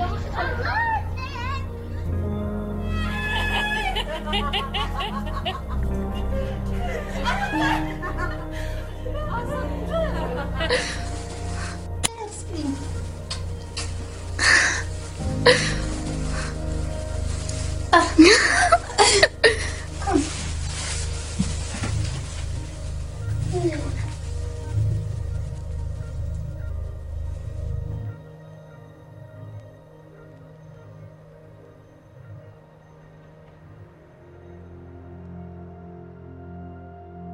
brukar alltid tända ett ljus vid Annie på morgnarna, eller nästan varje morgon. Eh, då tänker jag alltid, för det första att det är orättvist, overkligt, sorgligt och eh, hon kommer alltid finnas inom mig som den här glada, gulliga, lätt till skratt och också väldigt eh, speciella personen som hon var. På Solna kyrkogård är Annis plats täckt i blommor och stenhjärtan. I oktober varje år svajar en heliumballong här. En ballong i metallic och alla regnbågens färger. Då är också Madde här. Säger grattis på födelsedagen till vännen. Tills den dag då de ses igen. I Annis fall så känner jag väl mest att jag vill ge henne den upprättelsen jag kan. Um, och berätta vem hon var. Och att hennes dotter ska veta vilken fantastisk människa hon var och vad hon har efterlämnat sig hos så många andra. Um, det är en förändrad Madde som står på kyrkogården. det, det blir ju någonting helt annat när man liksom sätter ett namn på alla de här kvinnorna i statistiken och som omnämns som ett mord i kvällspressen och istället är ett barn som mölade blåbär i blåbärssnåren eller en ung kvinna som älskade att dansa och um, en annan kvinna som liksom levde för sitt barn. De är så många och förtjänar att vara så mycket mer än en årlig presenterad statistik. Och, och att det känns viktigare än att de här männen ska få ta plats. Att det är så många och det är så många familjer och det är så många vänner och det är så många barn. Eh, men vi vet ju att det ser ut så här. Jag har en sista fråga. Politiker har ju pratat om det här problemet som mäns våld mot kvinnor är i 30 års tid ungefär. Eh, och jag är själv anhörig till min barndomsvän Annie som gick bort efter att ha levt i en relation där hon blev utsatt för psykiskt och fysiskt våld innan hon dog i 2018. Det här våldet som vi pratar om, det bara fortsätter ju. Så min fråga till dig egentligen är Tycker du att vi har gjort och att vi gör tillräckligt för att kvinnor ska få leva i frid utan att behöva känna att man inte kan ta sig ur de här relationerna. Eh, ja, vad svarade egentligen justitieministern till Madde? Ni som vill veta det kan läsa om det på gp.se hennes namn var. För det viktigaste nu är kanske inte vad ännu en politiker säger, utan vad han faktiskt kommer att göra. Myndigheter och politiker i båda läger har suttit på många av svaren i över ett decennium. Upp till bevis. Det är dags nu. Du har lyssnat på sista avsnittet av Hennes namn var. Om mäns våld mot kvinnor och om samhället som svek. Av Göteborgs-Postens Mikael Verdicchio och Madeleine Gartéus. Tack för möjligheten att träffas idag. Tack snälla. Tack. Ja, ja, det var det. Det är en upprättelse för Jenny. Alla de här dödade kvinnorna eh, och alla misshandlade, våldtagna kvinnor ska få ett ansikte och en röst. Inte bara bli statistik.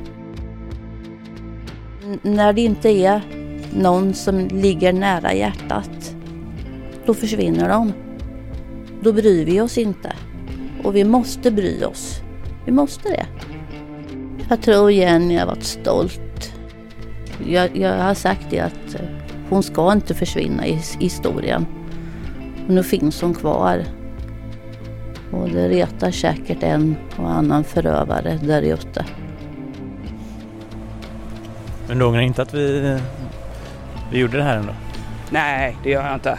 Eh, dels när vi har pratat med alla familjer och anhöriga och kunnat visa liksom, vilka problem som finns.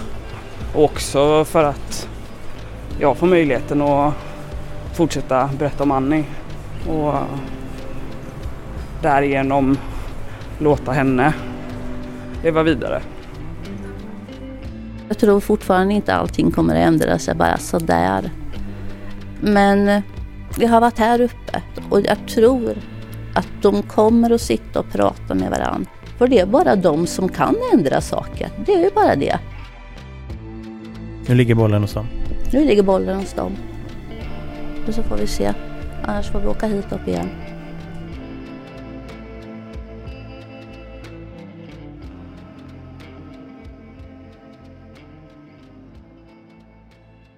Hennes namn var är en podd från Göteborgs-Posten. Nyhetsklippen du hörde var från Aftonbladet, TV4, Expressen, Viaplay och Clue News. Even when we're on a budget, we still deserve nice things. Quince is a place to scoop up stunning high-end goods for 50 to 80% less than similar brands. They have buttery soft cashmere sweaters starting at $50, luxurious Italian leather bags, and so much more. Plus, Quince only works with factories that use safe, ethical, and responsible manufacturing. Get the high-end goods you'll love without the high price tag with Quince. Go to quince.com/style for free shipping and 365-day returns.